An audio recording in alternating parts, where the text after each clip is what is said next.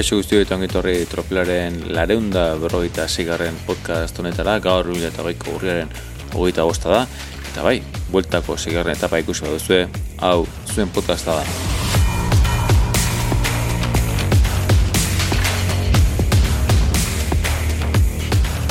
Izegirre Rockstars, hori zen aspaldi erabili izan genuen traola Twitterren, Izan ere gaurko etapa garaipen dakizuen moduan Joni Zegerrek lortu du, poza ematen du, podcasta grabatzea eta jakitea ez, eh, kontatzea nola Euskaldun batek etapa garaipena lortu duen, eta eta Izegerre Rockstars diot, ze, gorkak ere lan bikain egin du, aurrera joaz, e, iesaldia handia zen, 23 lagunetako iesaldia zen, eta horrazken kilometroetan gorkak aurrera egin du, albiratuz e, jonek lanik egin behar izatea eta azkenean azken e, kilometro gutxi horietan ba, indar nahikoa izan du jonek e, ikusita gainontzeko arerioak elkarri begira zebiltzala erasoa jo eta etapa garepen polita lortze, lortzeko. Dakizu moduan gaur formigala maitzen zen etapa aldaketak izan zuen ibilidan zehar eguraldi makro izan dute hotza eta bar entzun dugu nola txilunaren batek edo bestek ere arazo izan dituen e, hotzarekin, eta arazo izan dituen bestea Roglic bera izan da. Diruren hasiera batean arazo mekanikoren bat, hor buruan jarri da Movistar e, aurrera egiten, eta beranduago azken igoeran, ba, indartsuna karapaz et, e, Hugh, Hugh Carthy, eta eta bueno, eta gaudu ikusi ditugu, beste beste, mars, e, atzeratuago Marsoler bera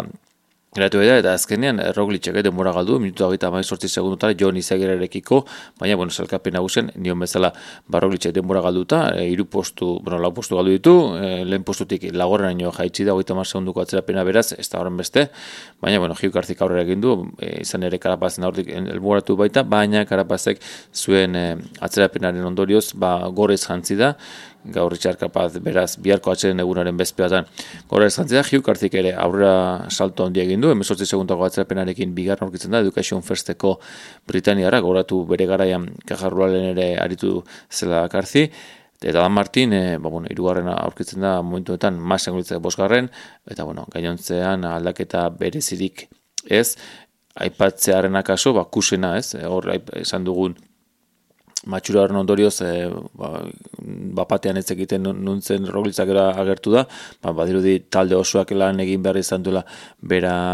aurreko tropel nagusi horretara eramateko, eta bueno, ba, postu asko aldi duela, mazatik postu okarrez aldi manaiz, eta da honeko gasakapen nagusien beratzen minutu da borreta segundura, ba, kus honek adierazten duena da, inolako zalantzarik gabe, ba, jumboren apustua, hortengo Espainiako bulta le, lehar hortan sartzeko, ba, rogulitz izango dela, eta bueno, ikusiko dugu ea ondo ortetzen zaion, ze Sunwebek jiruan, e, Ibanek aipatuko duen moduan, ba, inozen aurrean galdu egin du, nahiz eta bigarren eta hirugarren postuak lortu dituen e, Hindley eta eta Keldermanekin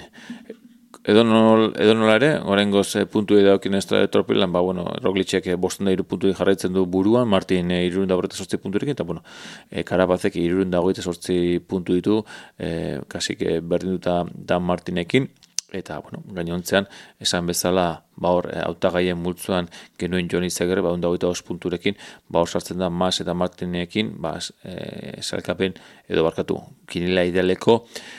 multzo horretan. Biharratzen eguna izango du tropelak, eta egoera berezian gaude, dakizu moduan gaur arratsaldeaz geroztik, eh, Espainiako presidenteak eh, Pedro Sánchezek alarma egoera berrezari baitu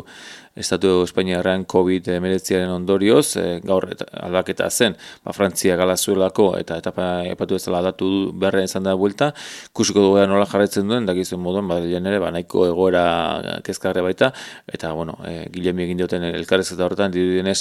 berak esan du, ba, komunitate bakoitzak nola erakiko dituen, izango dituen alarma egoera honetan dirudenez, ba, eskumenak, borren ba, arabera ikusiko dutela nola jokatu, baina bere ustetan urtegiri aldetik eta arazorik ez lukela behar eta lasterketa garrera jarretuko dela. Beraz, orain e, gazteiza bidea izango dira, bertan atzen hartuko baitute, etzi, aste artean, e, ekingo baitiote urrengo etapari, zazpigarren etapari, gazteiztik, e, eta bilanua de Baldegobia aldera jo beharko baitute, egun da, ber, ia, irurogei kilometrotako etapa, bi lehen mailako mendate pasabartu uste, berdina, orduñako portu hori bi aldez pasako baitute, eta, bueno, esan bezala, ameira, e, bilanuba de Baldegobia horretan izango dute, Eta bueno, espero da berri ere mugimendu bat izatea, ez da egite errologilitxe eta jubok ze jarri hartuko duten e, gora egusita, badirudi e, ineosito gatuko zegoela e, lasterketa kontrolpea izatea, baina ikusi dugu baita ere Movistar e, le, lehiakor bat, eta, bueno, bueltan eta zerbait egiteko asmotan ere, badailtzala, nire mm. ustez, eh, e, iesaldiren bat izan behar du, gaur izan bezala, goiteruko izalde osatu da, beraz, bueno, izan daiteke, iesaldiko iztari horientzat aukera polita urrengo etapa.